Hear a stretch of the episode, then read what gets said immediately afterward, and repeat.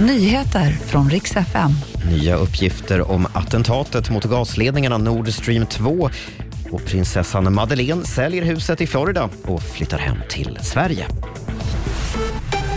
Morgon. Vi ska börja med uppgifterna om att en pro-ukrainsk grupp kan ligga bakom sabotaget av gasledningarna Nord Stream 2 i höstas.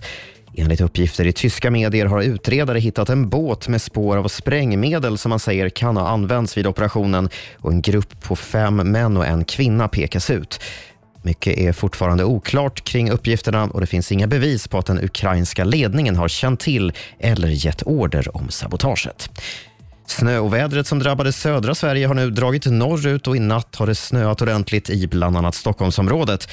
SMHIs orangea varning ligger kvar över Stockholm nu på morgonen och gäller kraftigt snöfall och blåsigt väder.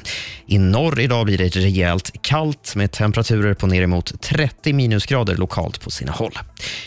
Sist ska jag berätta att prinsessan Madeleine och hennes familj lämnar USA och flyttar hem till Sverige.